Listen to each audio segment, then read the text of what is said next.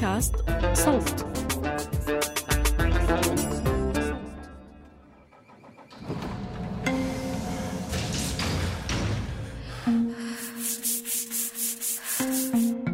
العمل بيجمعنا كبشر ولكن ظروف عملنا مش وحدة ولا بتتشابه بتفاصيلها رغم تقاطعها من الخارج. ولحتى نفهم علاقتنا بأعمالنا وعلاقة أعمالنا فينا رح أقدم لكم أنا سليم سلامة الموسم الرابع من بودكاست ما العمل من إنتاج صوت. رح نسمع قصص العاملات والعاملين المحليين والمهاجرين. على أمل أنه نفهم هالرحلة المعقدة من حياتنا كبشر بعيدا عن فكرة إننا بنعيش لننتج وبننتج لنستهلك. هالموسم بيحتوي على ثلاث ثلاثيات. بكل وحدة فيهم بنناقش جوانب مختلفة متعلقة بالعمل. رح نبدأ الثلاثية الأولى عن ومع العاملات والعمال المهاجرين ويلي حسب غرفة تجارة عمان بيشغلوا مهن بنسب بتوصل ببعض المجالات أضعاف نسب العمال والعاملات الأردنيين والأردنيات.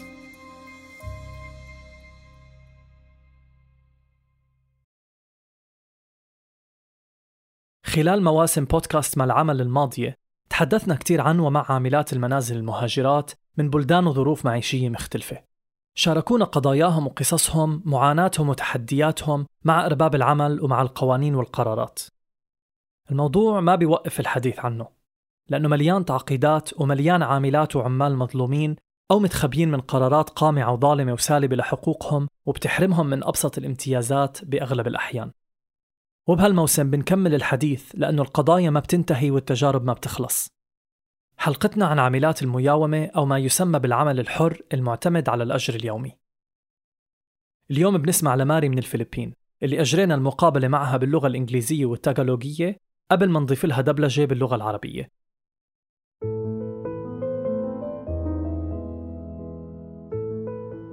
Uh, ako po ay si Mary Joy Rochi Garces, taga Pilipinas, pero nandito po ako أنا اسمي ماري. عاملة منزل مستقلة ومقيمة حاليا بالأردن.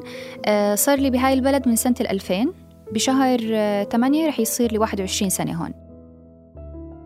لما كنت عايشة ببلدي بالفلبين درست بكلية وكنت بدي أتخصص كقابلة. كملت سنتين دراسة وبعدها قدمت واشتغلت بمستشفى بس ما اشتغلت بالتخصص تبعي. كنت مساعدة مرضى يعني.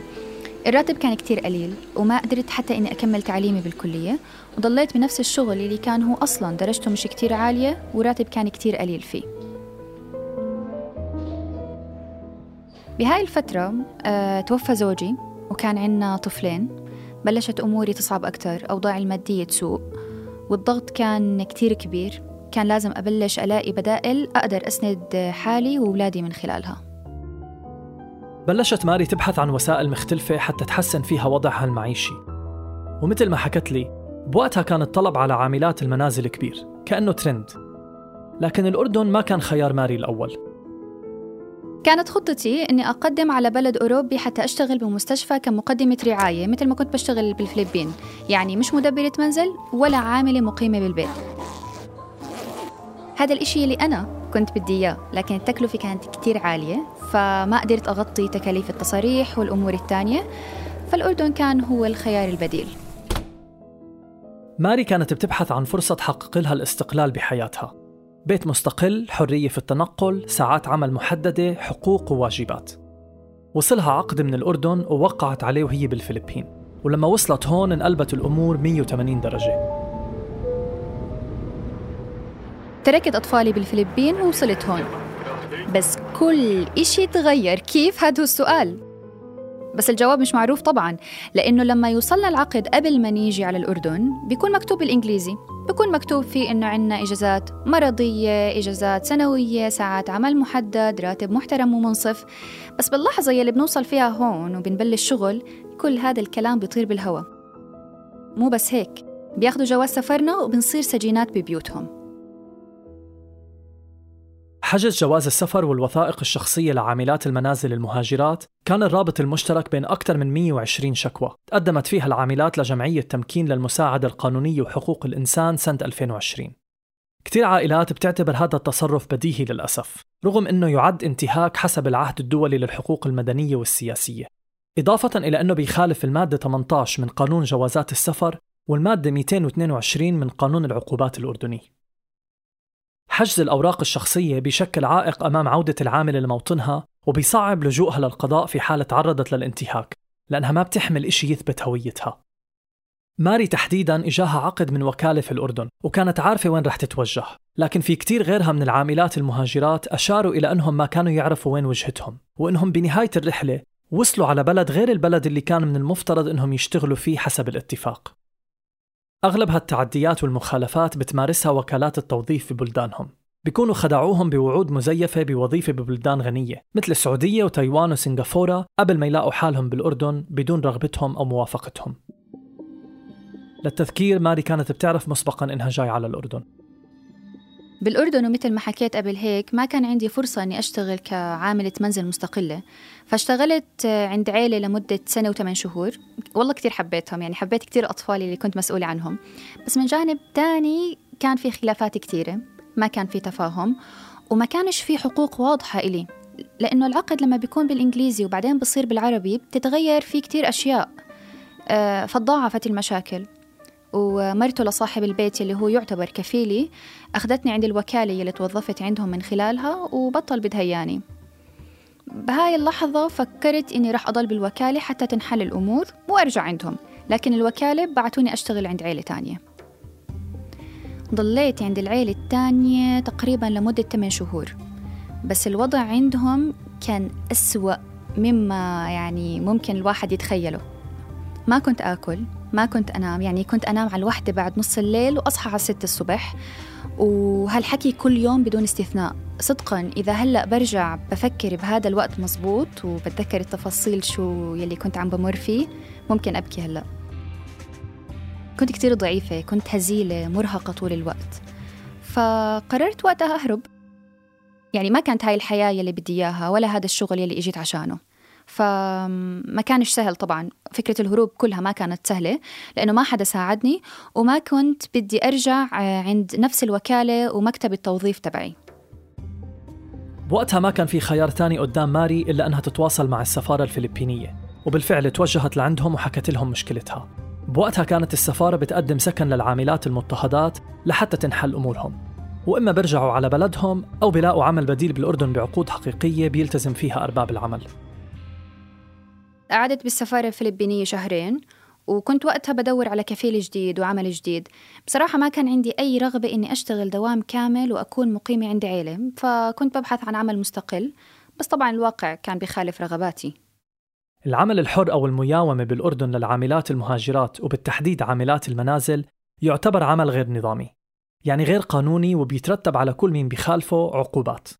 لهيك اضطرت ماري إنها تشتغل بالمياومة لكن عن طريق مكتب توظيف. طبعا هذا ما زال يعتبر غير نظامي لكنه بيحميها من التعرض للمخالفة أو الترحيل. لكن أيضا هذا النوع من العمل ما بيجي ببلاش. كان كتير صعب إني أبلش بالعمل الحر. واجهت كتير تحديات ما كنت بعرف حدا. يعني كنت بعرف عاملات فلبينيات تانيات بس مش سهل إن أوثق فيهم. بالنهاية أنا وياهم غرباء وبمكان غريب. وقتها لقيت مكتب استخدام عاملات ووافقوا إنهم يساعدوني أشتغل بالمياومة وبلشوا يبعتوني عند عائلات. بس شرطهم إنه أعطيهم 50% من راتبي طبعا هذا مبلغ كتير كبير. والامتياز الوحيد كان إنهم ياخدوني من باب بيتي لمكان العمل وبالعكس. طبعا هذا الشغل غير قانوني لأنه بالنسبة للدولة اسمي لسه مسجل عند كفيلي الأول. بس بنفس الوقت ما في عندي كان أي بديل تاني ما في خيار. وهالحكي مش يعني مش إلي لحالي. إحنا كتار يلي بنشتغل بالمياومة وهذا المكتب يلي بحكي عنه كان يلاقي لنا شغل كل يوم. بالنهاية هم كانوا مستفيدين من كل وحدة فينا. ماري بمجرد هروبها بتضلها معرضة للإرجاع لكفيلها في حال توقيفها. ممكن تترحل ممكن ترجع للمكتب اللي استخدمها للبلد وبدوره ممكن ينقل وراءها لعيلة تانية أو يتخلى عنها. ومن هون بتبدأ تشتغل بصورة غير نظامية. ثلثين العمالة المهاجرة بالأردن بيشتغلوا بصورة غير نظامية. كتير منهم عمال مياومة. لكن متى بصير العاملات والعاملين المهاجرين غير نظاميين بعد ما يوصلوا على البلد بشكل غير قانوني؟ أولا في حالة عدم تجديد أرباب العمل للإقامة أو تصريح العمل.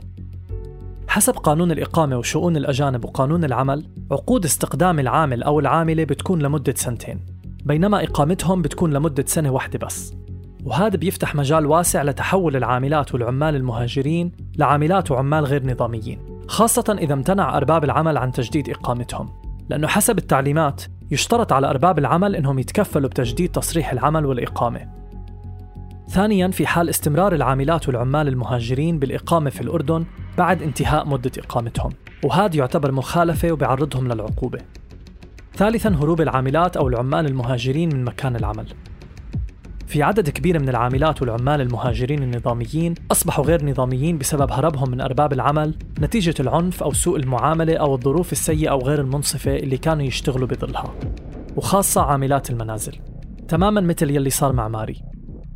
لكن بكل الأحوال ماري ما طولت بالعمل غير النظامي ببساطة لأنها كانت خايفة من المخالفة أو الترحيل بعد شهرين من الشغل غير النظامي عن طريق هالمكتب واحدة من العاملات يلي كانت بتشتغل معنا خبرتني إنه في فرصة للتقديم على السفارة الفلبينية حتى يساعدوني ألاقي شغل نظامي.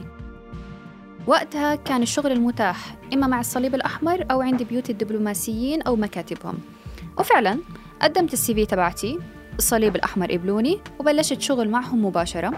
ضليت هناك سنتين تقريبا يعني لحد 2005 بس خلصت معهم سافرت عشان أزور أطفالي بالفلبين لأول مرة من خمس سنين.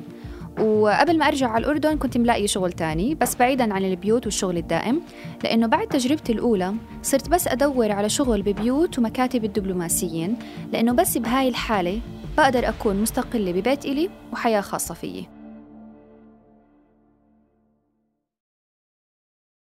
مش كل العاملات المهاجرات بيقدروا يحصلوا على نفس هالفرصة.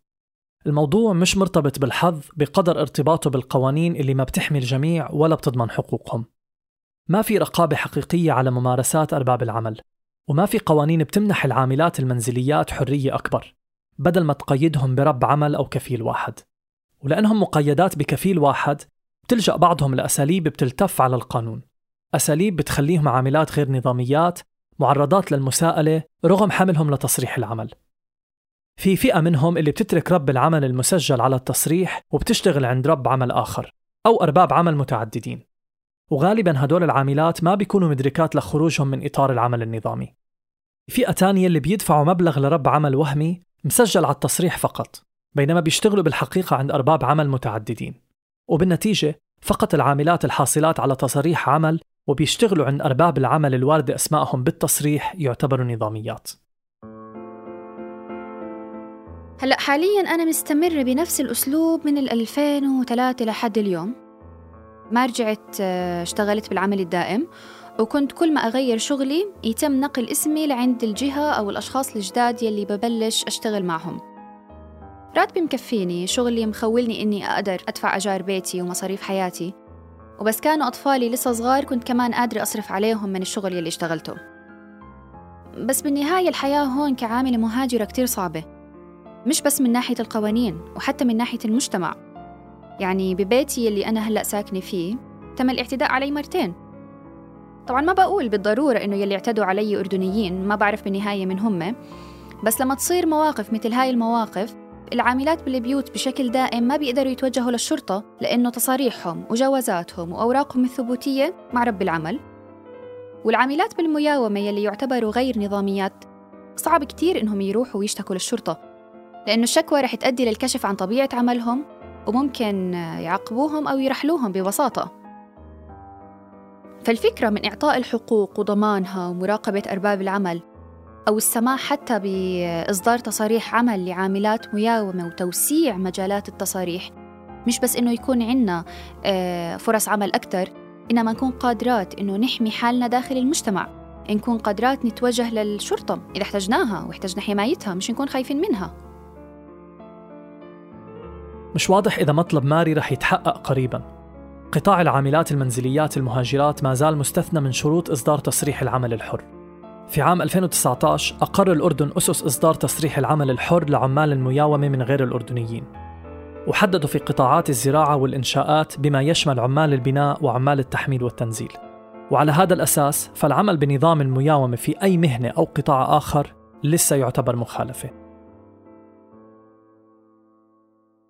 أنا هلأ موجودة بمكان عمل مرتاحة فيه.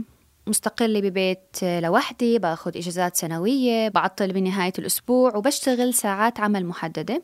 ملتزمة بالقانون وبدفع ضرائب. وكل ما يخلص سنتين العقد العيلة نفسها يلي بشتغل عندها بتلاقي لي شغل بعيلة تانية وبتنقل لي أوراقي لعندهم بشكل قانوني. يعني بأمنوني بكل أموري إنها تكون ماشية. وفعلا صار لي على هذا المنوال من 2005 بس هذا الحكي يعني مش للكل. يعني ولا كل العاملات عندهم نفس الفرص اللي أنا عندي إياها. العاملات بشكل دائم بيعانوا مثل ما العاملات غير النظاميات بالمياومة بيعانوا.